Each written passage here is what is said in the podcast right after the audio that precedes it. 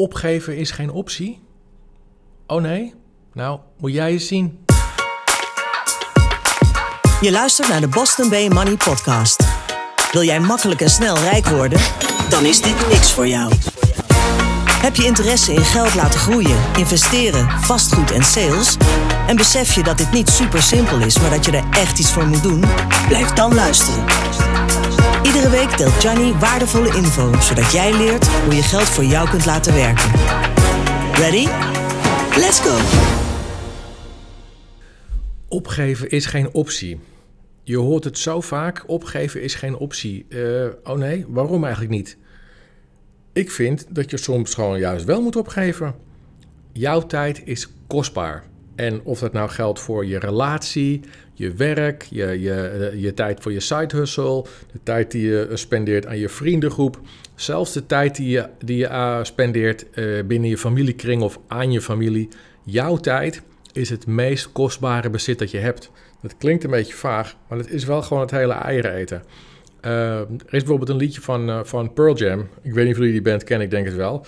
En dat heet I Am Mine. En er zit een, daar zit een, een aantal regels in. Het is I know I was born and I know that I'll die. The in-between is mine. I am mine. En zo is het. Je wordt geboren. Uiteindelijk ga je naar, naar de eeuwige jachtvelden. Dat geldt voor ons allemaal. En alle tijd die daartussen zit, die is van jou. En daarom, hoe je het ook went of keert, uh, het is gewoon, dat is gewoon hoe het, hoe het is. En het is van niemand anders, het is alleen van jou. En daarom is het ook zo zonde als ik mensen zie dolploeteren uh, voor de bühne of voor het respect van anderen. Uh, we verliezen zoveel tijd door te doen wat anderen willen, wat anderen van ons verwachten. Eigenlijk, dat klinkt natuurlijk keihard, maar eigenlijk denk ik gewoon, fuck hun. Fuck iedereen. En zo kan je natuurlijk niet door het leven gaan. Maar fuck hun, fuck hun met hun verwachtingen, met hun wensen, met hun adviezen. Richt je tijd zo efficiënt en zo goed mogelijk in, want het is kostbaar. En het is ook van jou. En uiteraard is het natuurlijk netjes, en uh, ik denk dat iedereen het wel, uh, wel zelf ook wel kan bedenken, wanneer je rekening houdt met anderen.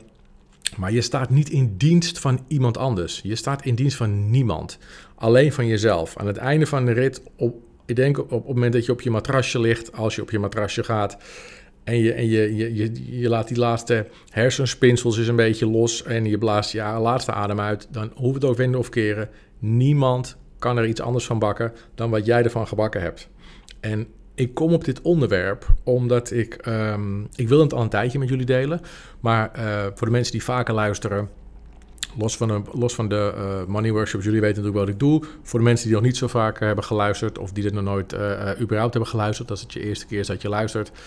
Um, ik ben een bijzonder amabel mens. Nee, um, leuk dat je luistert sowieso als je voor de eerste keer luistert. Maar ik kom op dit onderwerp omdat ik naast de money workshops en subtrader ook mensen coach. En um, dat is geen core business. Het is niet dat ik hier uh, twee divans heb staan uh, waar mensen uh, achter elkaar, zodra het uur verstreken is, dat de volgende al voor de deur staat om op de divan plaats te nemen en, en zijn hart te luchten. Maar ik heb nu 15 of 16 mensen die, die ik dan coach.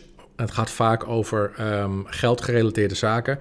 Maar als je het over geld hebt en als je het over uh, uh, tijd en dromen hebt, dan gaat het soms ook over side hustles. Met de vraag of ik ze daarbij kan helpen. Of, of hun bedrijven lopen niet helemaal zoals het gaat. Nou, en soms kan ik helpen. Soms gaat het boven mijn petje. En dan uh, snap ik ook niet precies wat het probleem is.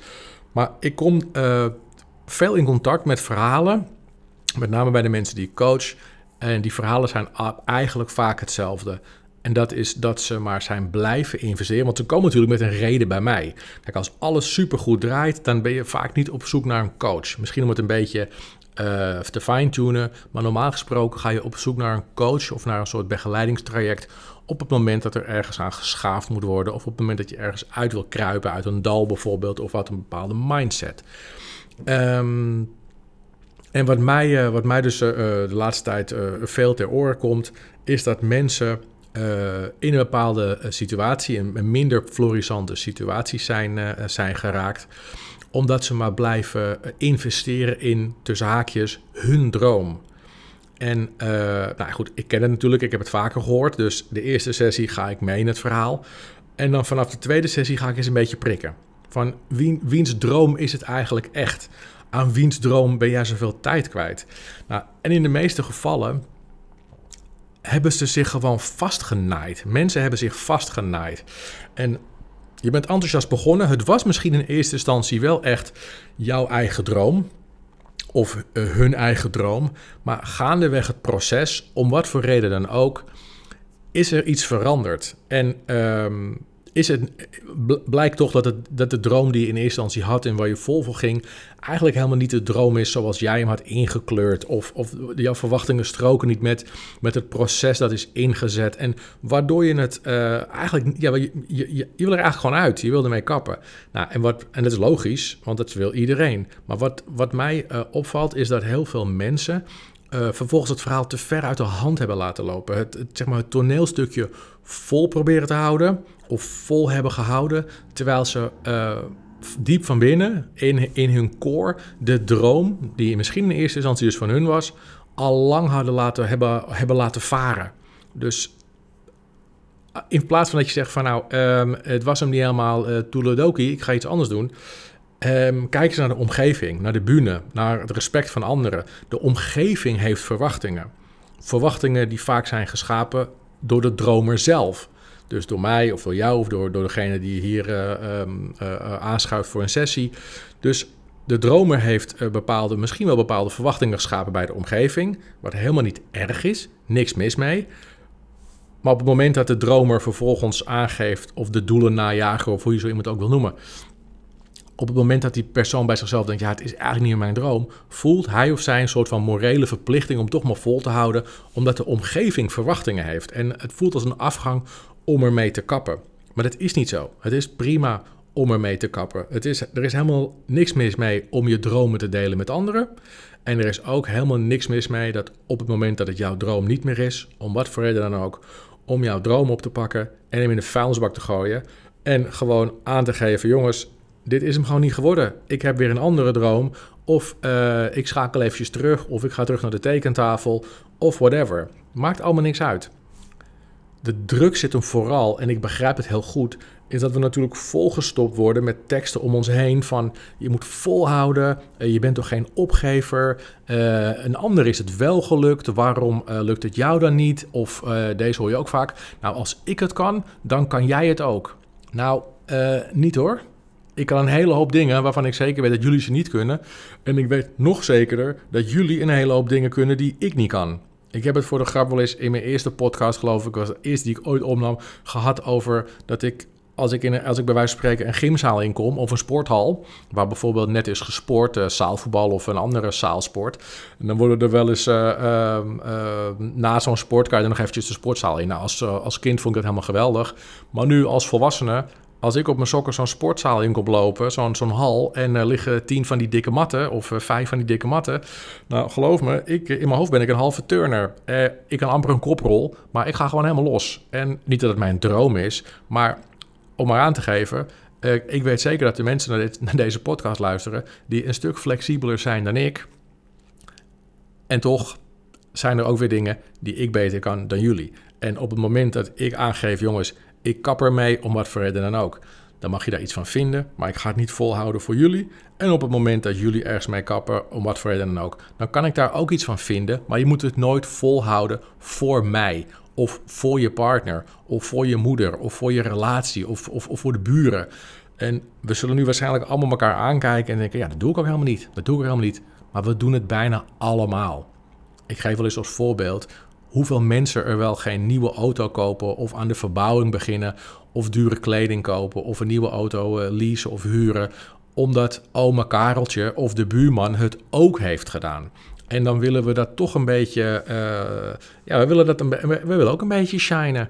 Nou, en dat is wat er in het groot gebeurt op het moment dat je jouw droom of jouw doel eigenlijk niet meer eens wil nastreven, dat je toch blijft hangen omdat je de verwachtingen uh, die je hebt ge gewekt bij de, bij de omgeving in stand wil houden.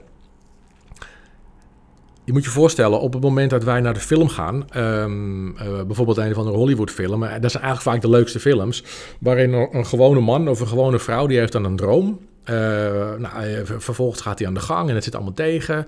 En hij ploetert door, hij faalt. Nou, en vervolgens, op, om wat voor reden dan ook, toch in één keer Eureka.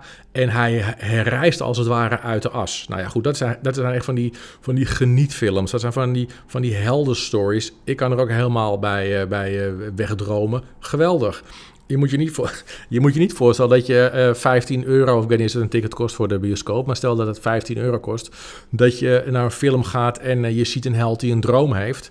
En hij vertelt iedereen enthousiast van nou, uh, hoe zijn droom in elkaar steekt. En ehm, hij, gaat het, hij gaat het doen. En nou, je zit er ongeveer een uur naar te kijken. En dan gaandeweg de film zie je steeds dat hij er eigenlijk geen sim meer in heeft. En dan, dan waarschijnlijk gaat hij het opgeven. En dan zo aan het einde van de film, dan zit je naar te kijken en dan is eigenlijk de conclusie, nou, hij had een droom, uh, hij heeft het geprobeerd, maar hij had er eigenlijk aan het einde van de rit geen zin meer in, dus hij, hij is ermee gekapt. Nou, ik denk niet dat, die, dat, dat, dat, soort films het ook heel erg goed zouden doen bij de kassa uh, in de bioscoop. Dus het is logisch, we worden er natuurlijk ook een beetje mee, mee, mee onbewust mee geïndoctrineerd dat er een bepaald stappenplan is richting succes en dat je vol moet houden, nou, et cetera, et cetera. Maar jij, ik, Tamateo, uh, zijn moeder, de oma en de hond, wij spelen niet in een film. Ons leven is echt. En onze tijd is ook echt. Dus ik ben helemaal, nou, nou dat zullen jullie ook wel weten, ik ben helemaal voor mensen die uh, voor hun droom gaan en die hun doelen najagen. Maar het moeten wel echt hun doelen zijn waar ze in investeren. En hun, hun doelen en hun dromen waar ze tijd voor vrijmaken. Um, en bij een tegenslag, op het moment dat het jouw doel is en jouw droom en je, en je ervaart tegenslag, dan moet je juist niet stoppen. Dan moet je doorgaan en dan moet je, dan moet je proberen door te knallen en te leren. Want dat is namelijk het proces wat je doormaakt. En dat is een prachtig proces op het moment dat je aan het investeren bent in jouw droom en in jouw doel. Dat is het groeiproces. Je bent echt dingen aan het leren en met name ook over jezelf. Dat is een prachtige periode in, in mijn leven, in, in jouw leven, in iedereen's leven. Dus tegen dat soort mensen zeg ik dan altijd: blijf vooral knallen, blijf leren, onderga en leer van je fouten en onderga het proces. En aan het einde van de rit zul je zien dat, je, dat het het waard is geweest. Maar tegen de rest van de dromers, met name de mensen die dus doelen van anderen najagen, omdat het niet meer hun eigen doelen zijn. En mensen die zichzelf eigenlijk een beetje hebben vastgenaaid door verwachtingen te wekken bij de omgeving. En nu eigenlijk een klein beetje ehm, eh, niet helemaal het lef hebben of niet helemaal ehm, eh, de ballen hebben om hun omgeving te informeren dat het niet meer hun doel is en niet meer hun droom is. Tegen dat soort mensen zeg ik: jouw tijd is van jou en van niemand anders. Dus wees daar zuinig op. Oké jongens en meiden en mannen en vrouwen. Dit is wat ik met jullie wilde delen. Het is een korte podcast. Uh, maar ik kwam erop, ik wou het gewoon, ik wou het gewoon kwijt. Omdat er... Um, ik zie zoveel mensen ploeteren. En het is gewoon zonde van je tijd. En ik steek hem natuurlijk weer heel ongenuanceerd, ongenuanceerd in met fuck iedereen. Dat kan natuurlijk niet, dat snap ik ook wel. Maar de basis van het verhaal is jouw tijd is van jou en van niemand anders. En hoe dieper je daarover nadenkt, hoe meer je inderdaad denkt van ja, dat is, is, is het gewoon het geval. En weet je waarin ik het, wanneer ik het vaakst heb um, dat ik over dit soort dingen nadenk? Als ik bijvoorbeeld op het bankje lig en ik kijk bijvoorbeeld een, eh, een Netflix-serie. Ik heb dat bijvoorbeeld nu, ik vertelde dat in de vorige podcast. Ik ben begonnen in een serie uh, Last Kingdom. En dat gaat over de tijd van de vikingen. Het gaat niet echt helemaal over de vikingen. Het gaat uh, wel over die periode. En ze komen er ook in voor. Niet eens echt de vikingen, maar een soort midden Denen, de woeste gasten. Niet het is niet echt Vikings. Het is meer een soort love story. Zit er een beetje in vermengd. En uh, nou ja, goed.